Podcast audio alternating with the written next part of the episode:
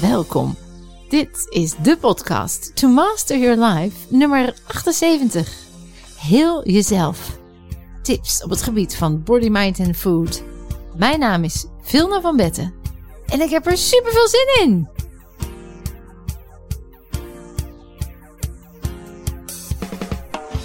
Hallo dames en mensen. Podcast 78. Heel jezelf. En letterlijk heel jezelf. Het gaat vandaag over hoe jij heel kunt blijven. En dan heb ik het over letterlijk gezondheid. Dus hoe je heel kunt worden als iets kapot is.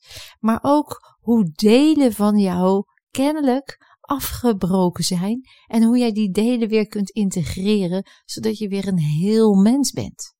Want je kent die uitdrukking toch wel van ik voel me gebroken. Dat deel van mij voelt zich nu niet lekker. We praten in de taal al eigenlijk in die termen.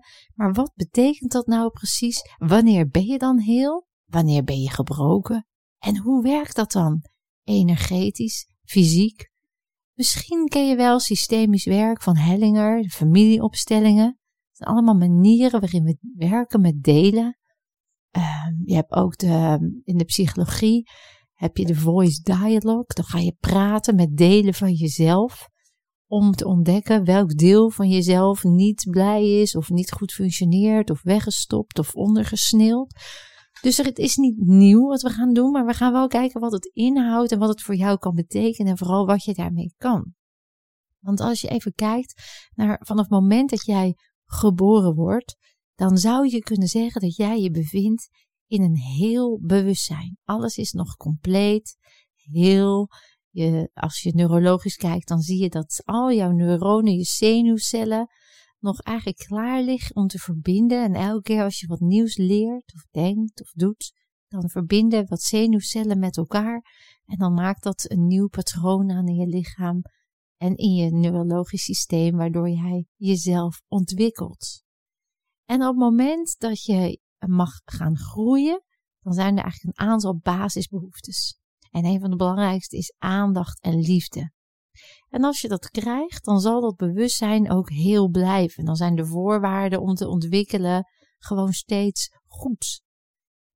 Als je dat niet krijgt, dan zien we dat bewustzijn als het ware afbrokkelen.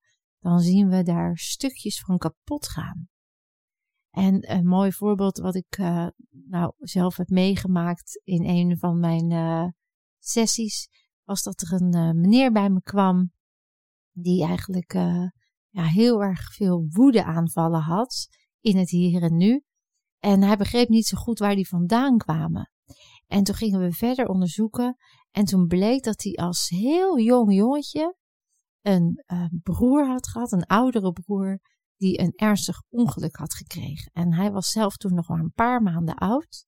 Maar op het moment dat zijn broer dit ongeluk kreeg, dan is de, alle aandacht, alle zorg, alles wat nodig was om die broer weer, uh, ja, weer te helen, zeg maar, is naar die broer gegaan. En hij heeft eigenlijk toen niet gekregen waar hij behoefte aan had.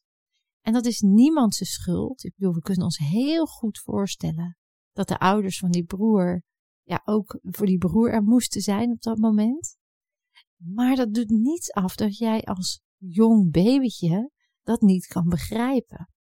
Jouw brein is nog niet uitgerijpt. Je hebt dus nog niet je prefrontale cortex ontwikkeld, waar je kan relativeren, waar je die impulsen kunt beheersen. Hè? Dat is allemaal nog niet uitgerijpt, omdat je in eerste instantie juist ontwikkelt door dat je het non-verbaal aangeeft wat je nodig hebt.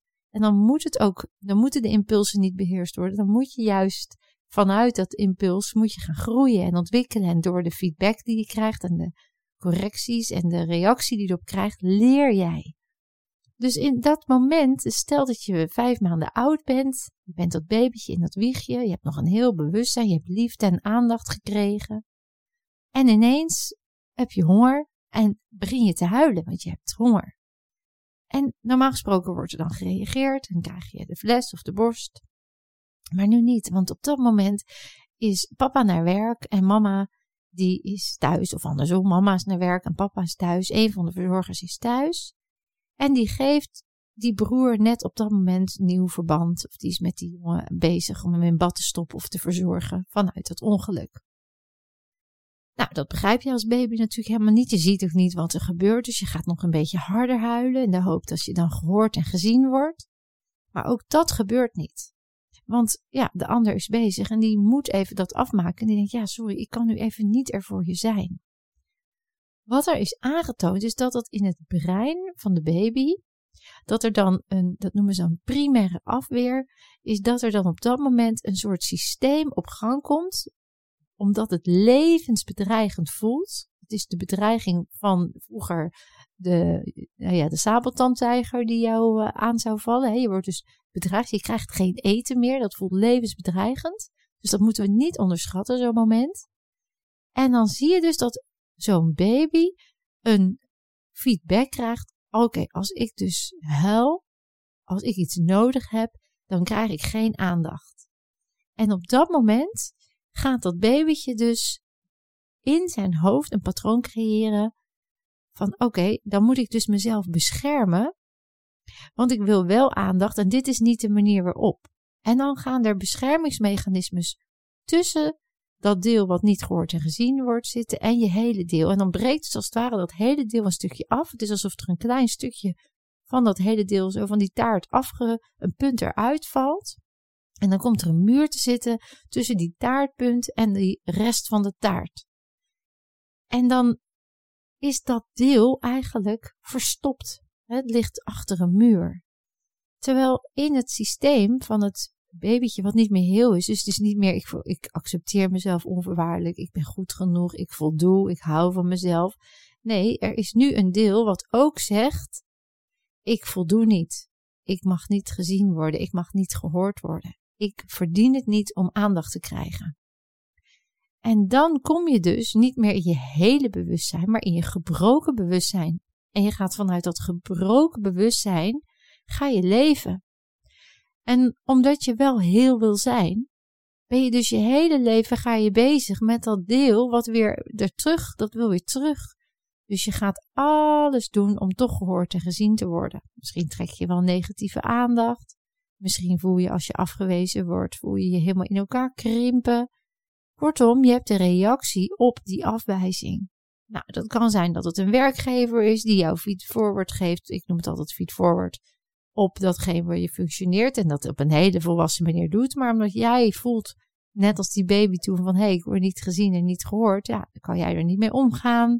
Of je begrijpt het niet, je voelt je niet begrepen, je voelt je verdrietig, je bent helemaal van de leg, je bent drie weken van de kaart. Terwijl die werkgever gewoon ja, jou wil opbouwend iets wil teruggeven. Nou, zo kan dat ook doorwerken in je relatie. Dat iedere keer als jij dan het gevoel hebt dat je niet voldoet of dat je niet gehoord of gezien wordt, nou, dan reageer je in woede. Nou, dat dat deze man die bij mij kwam dus heel erg, die reageerde dus heel erg in woede. En daar had natuurlijk zijn omgeving last van, en met name zijn vrouw en zijn kinderen. En hij begreep het ook niet, want hij vond ook dat hij recht had op die woede. Hij had echt zoiets van, ja, maar ik mag toch gewoon boos zijn als ze mij afwijzen. Terwijl je wordt niet afgewezen, op het moment dat het niet meer in een heel bewustzijn is, voelt het zo. Dan zit er een lading op. En dat deel wat dan gebroken is, dat bescherm jij. Dus je ontkent ook inmiddels dat je dat beschermt, want dat heb je al die jaren gedaan. Je weet eigenlijk niet beter meer dan dat dat deel, ja, zeg maar, afgelegen ligt. En dat jij dat beschermingsmechanisme, dat dat gewoon jouw gedrag is. Ik ben nou eenmaal zo. Af en toe word ik woedend. Terwijl het in de meest irreële situaties komt die woede dan naar voren. En voor een ander is het ook compleet overbodig en ja, over de top gereageerd. En omdat jij niet bewust bent dat dat deel is afgebroken, is het voor jou niet iets wat je gek vindt. Hè? Is voor jou de nieuwe normaal geworden. Maar goed, die woede, die heeft wel een bepaalde energie. Die frequentie, als je dan naar de energetische benadering kijkt, dan heb jij dus zeg maar een frequentie, een norm waarin jij optimaal gezond en gelukkig en heel bent. En op het moment dat je dus zoiets meemaakt, die afwijzing dat je niet gehoord en niet gezien wordt, en je kan het niet verwerken, dan ligt dat dus als een opgekropte energie, ligt dat vast in jouw energetisch systeem, als een propje in een rietje. En dan stroomt het dus niet zoals het moet en dan ligt het op een lagere trilling. En lage trillingen gaan gepaard met woede, met verdriet, met angst.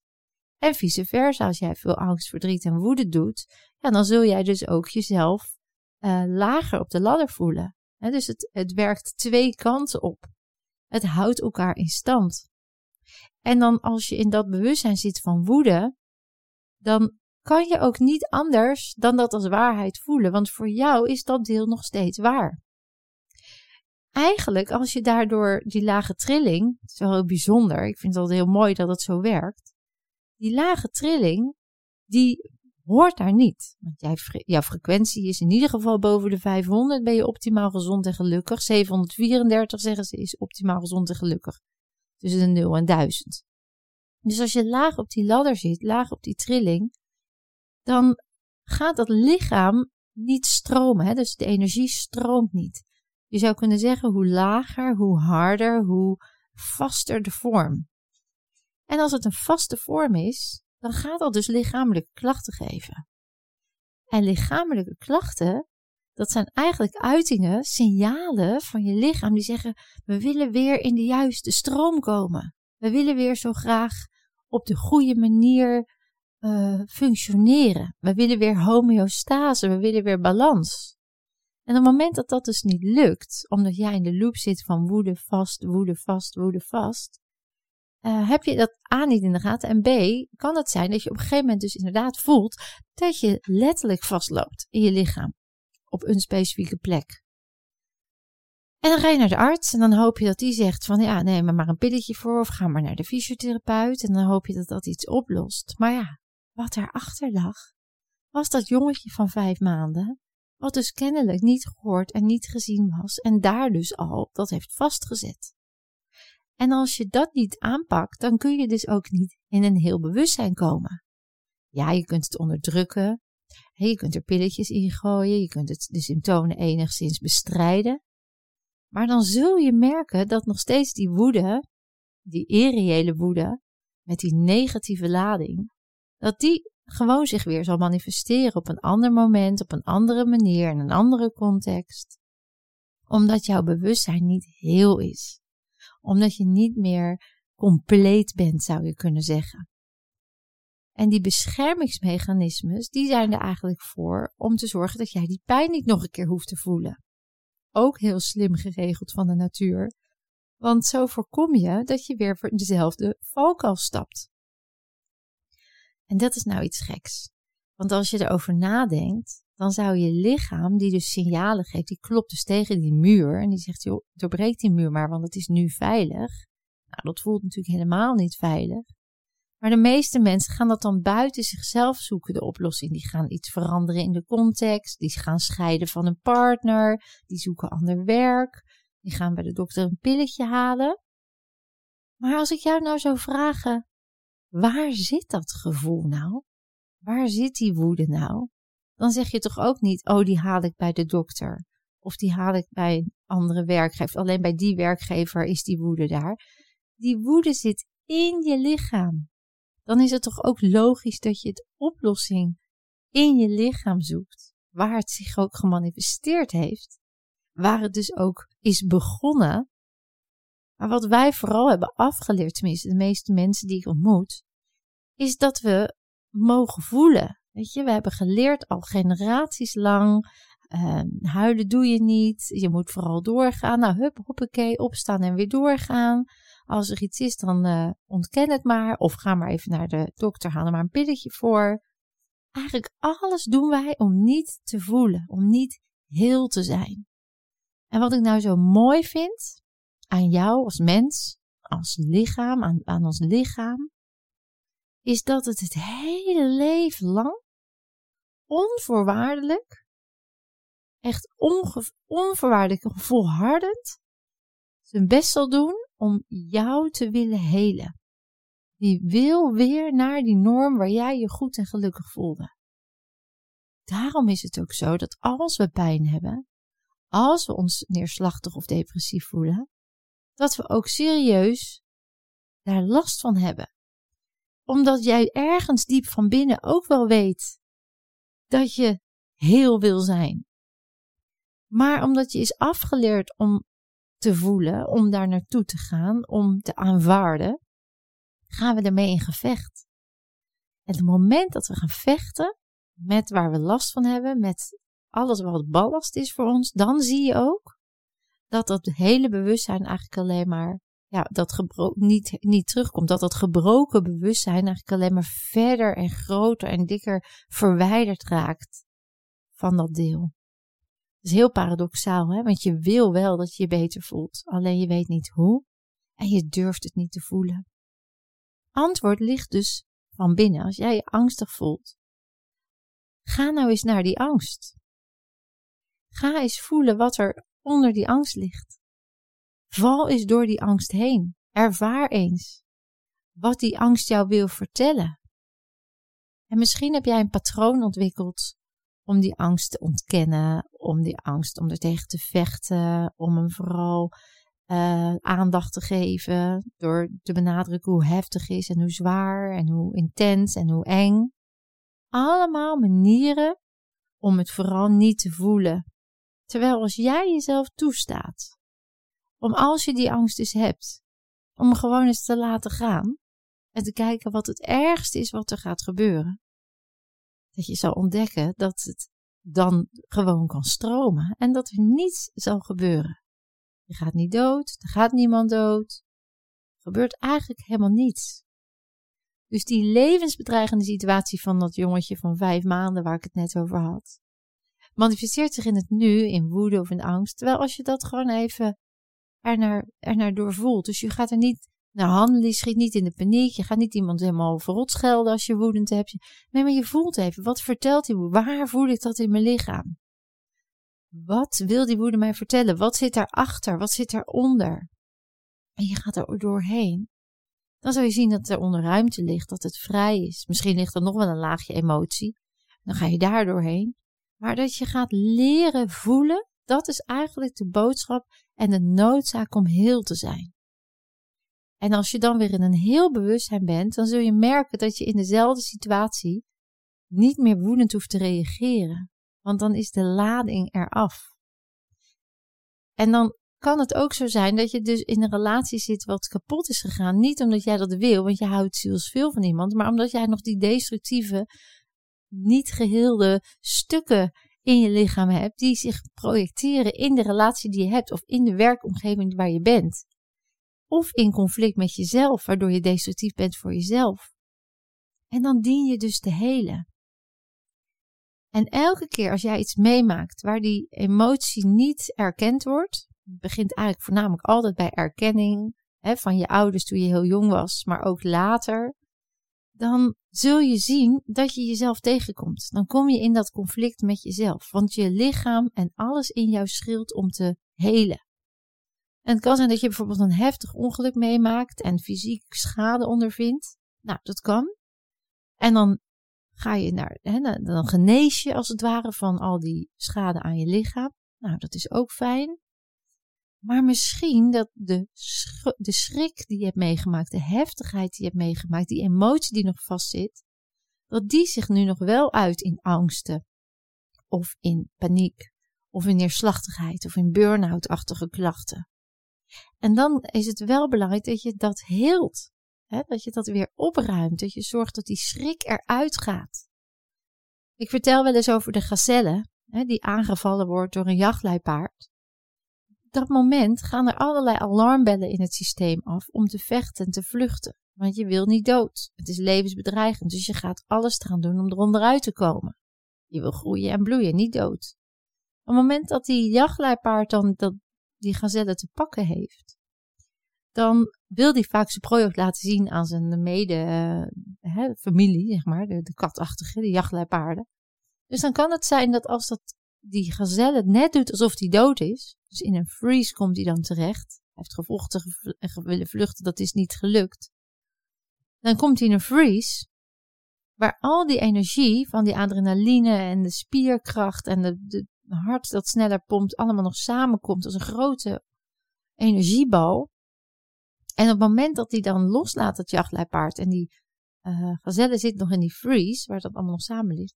Dan gaat zo'n gazelle, als die dan nog weg kan, omdat hij nog leeft, gaat hij naar een plek waar hij gaat schudden en liggen ademhalen en liggen ontladen. Dan doorleeft hij als het ware even die emotie. Dan ontlaat hij zichzelf van de ellende die hij heeft meegemaakt. Nou, wat wij vooral doen na zo'n situatie, als we iets levensbedreigends hebben meegemaakt. En dan moet je echt voorstellen, dat kan bij de tandarts zijn, dat kan iemand zijn die je afwijst, hè, noem het maar. Alles wat, wat ooit levensbedreigend heeft gevoeld, dat kan nu weer in het kleinst zich manifesteren. En je ontlaat het niet. Ja, dan, dan heb je dus, dan word je niet heel. En dat zie je dus bij zo'n gezellig. Op het moment dat hij is ontladen, dan is die gezellig gewoon helemaal ladingvrij. Die gaat weer gewoon de steppen op over het grasveld en die gaat weer heerlijk lopen grazen. Ook al komt er weer een keer een jachtluipaard langs, ja, dan zal die weer acteren wat er dan nodig is. Dus heel erg in het nu, heel erg ontladen, vrij van ballast. Dus ons diersoort wil dat automatisch doen. Wij hebben ook nog die twee onderste lagen in ons brein. Alleen daarbovenop hebben we een soort sociale code die ons belemmert om die heelheid toe te staan je maakt iets mee, je vindt dat je niet, uh, dat je niet aan moet stellen, of je vindt maar dat je gewoon moet doorgaan. Of, uh, en die weerstand op dat hele wordt dan zo groot, want dat betekent namelijk dat je dan jezelf je muur naar beneden moet gooien en jezelf open en bloot moet geven. En omdat we dat afleren, denken we dat dat heel eng is en heel naar. En met die body and mind reset gaan we eigenlijk comfortabel uit je comfortzone. Je leert om wel achter die muur te kijken en te zien waarom je jezelf beschermd hebt, dat het logisch is. Je vergeeft ook datgene van jezelf, dat deel wat je beschermd heeft. Ik bedoel, dat jongetje van vijf maanden, ja, wat kon die anders? Hè? En wat kon die moeder of die vader anders? Dus het is niemand zijn schuld. Het is alleen een miskenning geweest van een gevoel wat nu in het nu zich nog manifesteert. En als je dan daarin begeleid wordt in zo'n proces, of uh, je leert ook gelijk vaardigheden hoe je dat kan doen in zo'n week, bijvoorbeeld in een Live Master Week. Ja, dan zul je wel die technieken leren die we eigenlijk van nature bij ons hebben, maar afgeleerd zijn. Dan leer je die sociale codes af en zorg je dat er nieuwe, betere voor in de plaats komen. Zodat je freezes en geconditioneerde patronen lekker op kan ruimen, waardoor je heel kunt zijn en ladingvrij. Want heel zijn betekent eigenlijk niets anders dan ladingvrij. Lekker blij, onverwaarde blij met jezelf. In een lekkere gezondheid, in een goede flow. Um, gelukkig. Gewoon in een onvoorwaardelijke acceptatie in het nu. Je gaat in de, in de wet van de synchroniciteit mee, de flow van het leven. Val, je valt en je staat op zonder dat je het voelt als falen of, uh, of dat het weer misgaat. Dus kortom, echt heel zijn betekent ook de, het lef hebben om naar binnen te gaan. Het lef hebben om te voelen. Het lef hebben om goed voor jezelf te gaan zorgen. En ja, dat kan weerstand oproepen. Dan kan je denken, ja, maar dat wil ik echt niet, want ik ben bang dat er een beerput open gaat. En dat is nou precies waarom jij niet heel kunt zijn. Dan belemmer je jezelf met je denkende brein. Als je dat denkende brein nou even weglaat en je gaat alleen maar naar het lichaam luisteren, ja, dan zul je merken dat, dat je lichaam, die klopt niet voor niks aan. Die wil niets liever. En als je dan bij zo'n emotie uitkomt, wat max minimaal, hè, zo tussen de 20 en 90 seconden is dat, duurt een emotie. Dus als die eenmaal langs is gekomen, ja, dan is die ook weer eruit. Mits je hem niet ont, uh, ontlaat, mits je hem niet verwerkt, dan blijft hij vastzitten. Nou, als je hem dan even ontlaat, is misschien anderhalve minuut van je leven, maar dan heb je daarna levenskwaliteit. Dus dan kies je voor de lange termijn. Terwijl je zegt, oh nee, nee, nee, nee, ik ga niet naar binnen hoor, ik ga het niet doen. Ik heb er geen zin in, ik vind het vreselijk. Dan kies je voor de korte termijn. Lijkt het fijn, want dan denk je, ja, gelukkig, ik hoef niks open te trekken. Maar de lange termijn blijf je in de ellende zitten.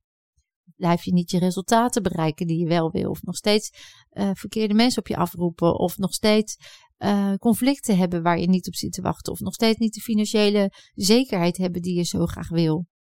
En dat is omdat dus in dat onbewuste daar nog energieën liggen, nog blokkades, nog gebeurtenissen die vastzitten, waardoor jij vast blijft zitten in het nu. Nou, en als je jezelf nou dat gunt, dan zou ik zeggen, ga beginnen om eens jezelf te ontladen. En je kunt zelf thuis al heel veel doen. Ik bedoel, ik, ik zou je natuurlijk willen adviseren om, uh, om met jezelf aan de slag te gaan. En ik zou iedereen dat ook gunnen. Die investering in jezelf. Ja, voor mij als ik mijn persoonlijke verhaal terugkijk, ja, die is zoveel meer waard. Daar, daar daar, al het geld dat ik eraan besteed heb, is driedubbel teruggekomen.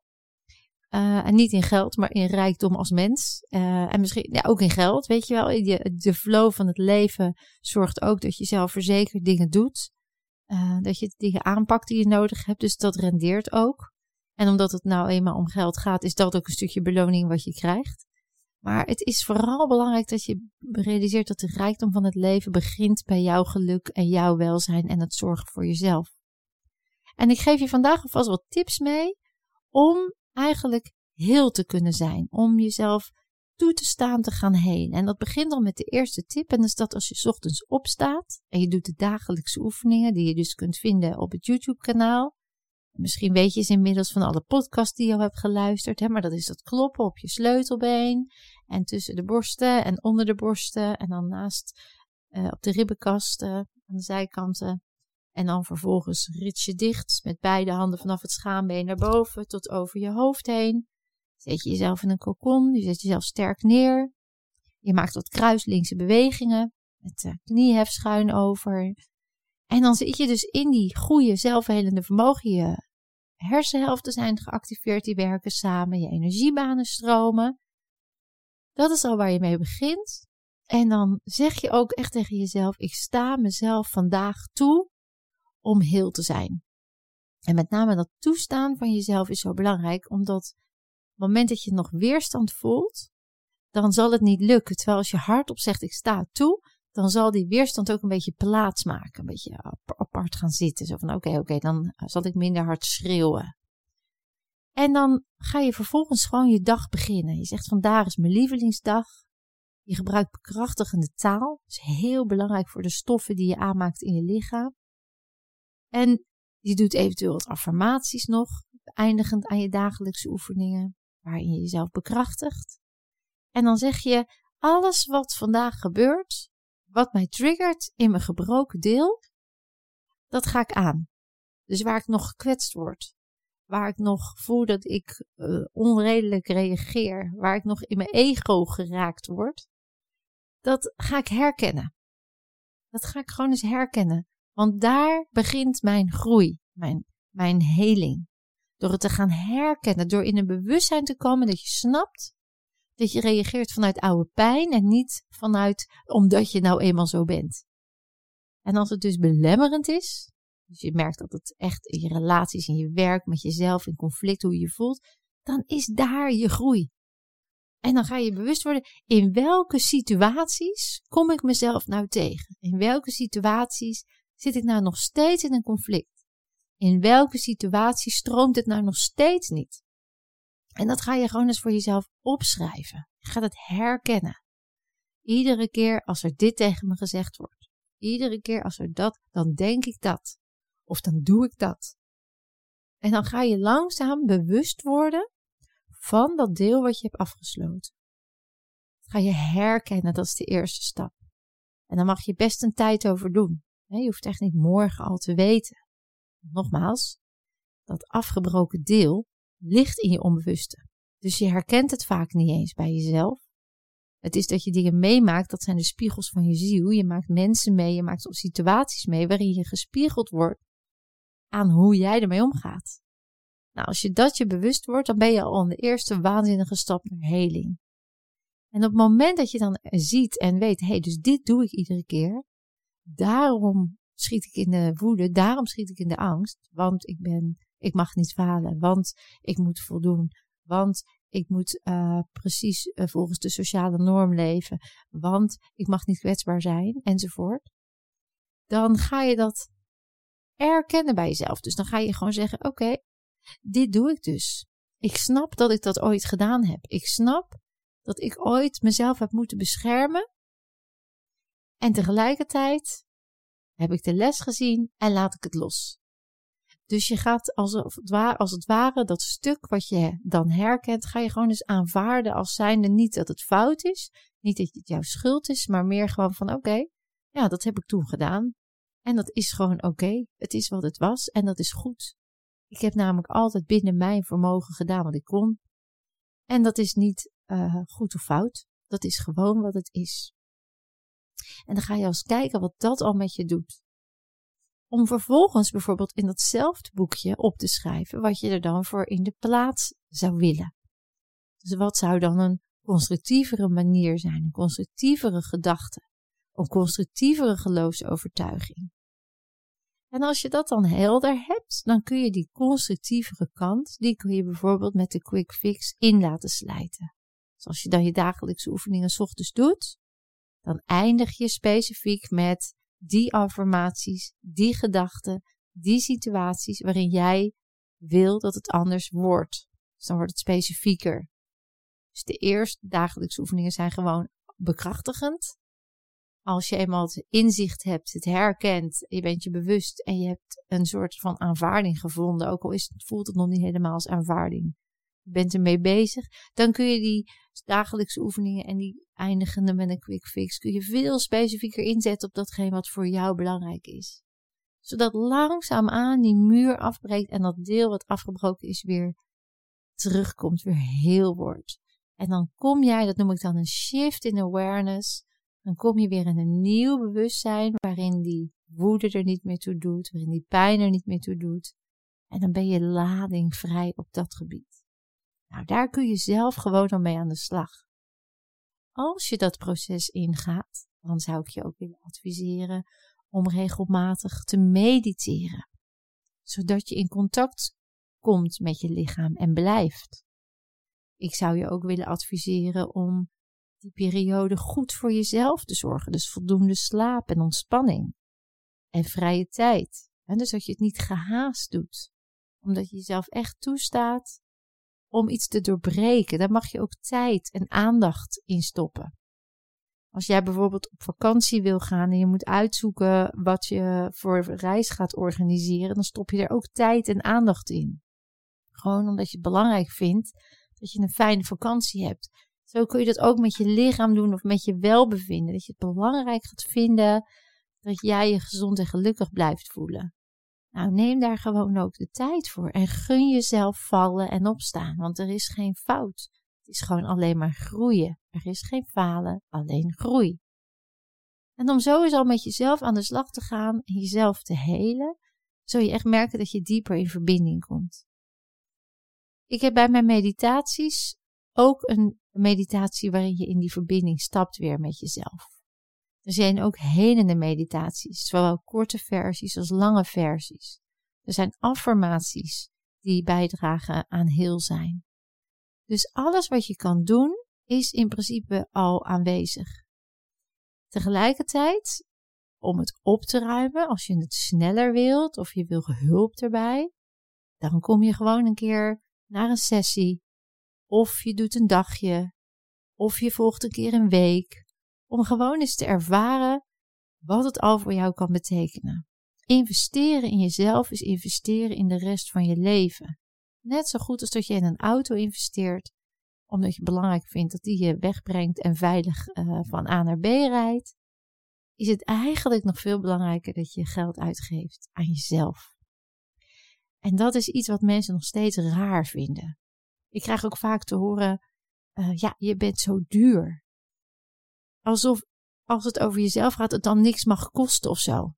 Terwijl een iPhone van 1000 euro of een, een telefoon, dat schaffen we zo aan. Dat is belangrijk, wordt dat gevonden. De nieuwste van de nieuwste het liefst nog. Ik zou daar een transitie in willen zien. Ik zou dat mensen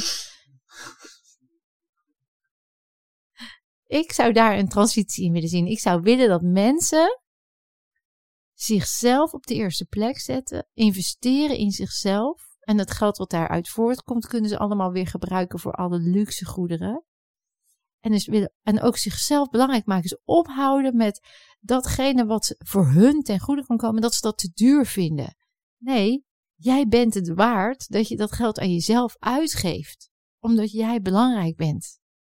En met die mindset zou ik je willen vragen om deze podcast nog eens even goed tot je te nemen. En te kijken wat je eraan kan doen. Dus, dames en mensen, resume. Kun je heel jezelf zijn? Ja. Door datgene wat in je onbewuste ligt, is bewust te worden en te herkennen en te erkennen. Met jezelf aan de slag te gaan. Jezelf belangrijk genoeg vinden.